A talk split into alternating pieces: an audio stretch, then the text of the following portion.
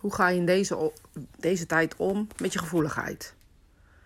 Mijn naam is Rosita Belkadi en ik ben spiritueel medium. Ik ben geen expert, ben geen psycholoog, geen psychiater en alles wat ik deel is puur uit eigen ervaring.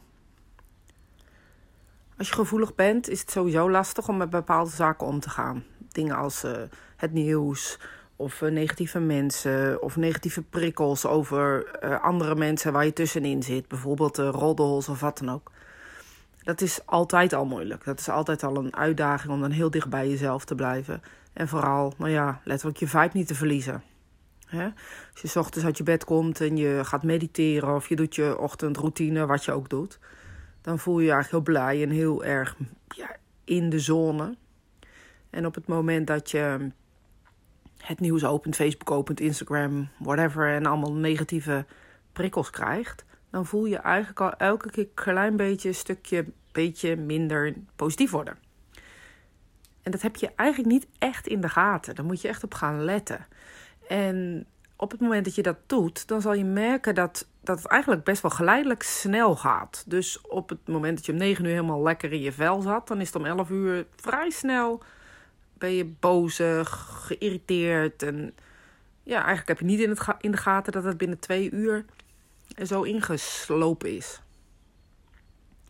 En dus de kunst is om dit soort dingen of buiten je systeem te laten of proberen op een andere manier mee om te gaan. En in deze periode met de hele coronacrisis is het lastig om geen nieuws te kijken wat negatief is. Op welke manier dan ook. Of je nou Facebook opent, Instagram, LinkedIn, alles. Weet je, elk nieuws, uh, ehm, adnu.nl, alles wat je opent, is een bak ellende over je heen, statistieken om je oren gesmeten, waar we eigenlijk niet zoveel van begrijpen. En dan is de kunst dus om heel dicht bij jezelf te blijven, bij dat gevoel wat je als eerste had, en daar ook bij te blijven. Ik kan niet zeggen, kijk niks, want soms is het gewoon belangrijk om dingen te zien en te kijken. Maar blijf gewoon heel dicht bij dat gevoel wat je ochtends had. En elke keer als je iets leest, sluit even je ogen en ga terug naar dat moment. Ga terug naar dat moment waarin je helemaal zen was. En wie weet hoort daar wel een yoga-oefening bij, of hoort daar een ademhaling-oefening bij, of een korte meditatie van een minuut. Dat is allemaal goed, maar doe het in ieder geval, weet je, let erop. En keer dan weer terug naar dat punt. En dan zal je zien dat je je beter voelt, wat meer ruimte krijgt om je heen. En op deze manier met, met deze prikkels om te gaan nogmaals, je kan het gewoon niet altijd vermijden. Hè? Berichten van mensen, collega's die ermee te maken hebben, zijn, kom je soms hard aan. Wederom terug naar dat moment, ademen of wat dan ook. Echt, ik kan je zeggen, het helpt. Het enige wat je moet doen, is het te doen. Dus elk, elk moment als je je goed voelt, onthoud het moment en keer daarna terug.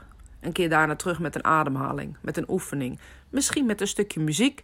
Voor mij werkt persoonlijk keiharde muziek, maar voor iedereen is dat verschillend.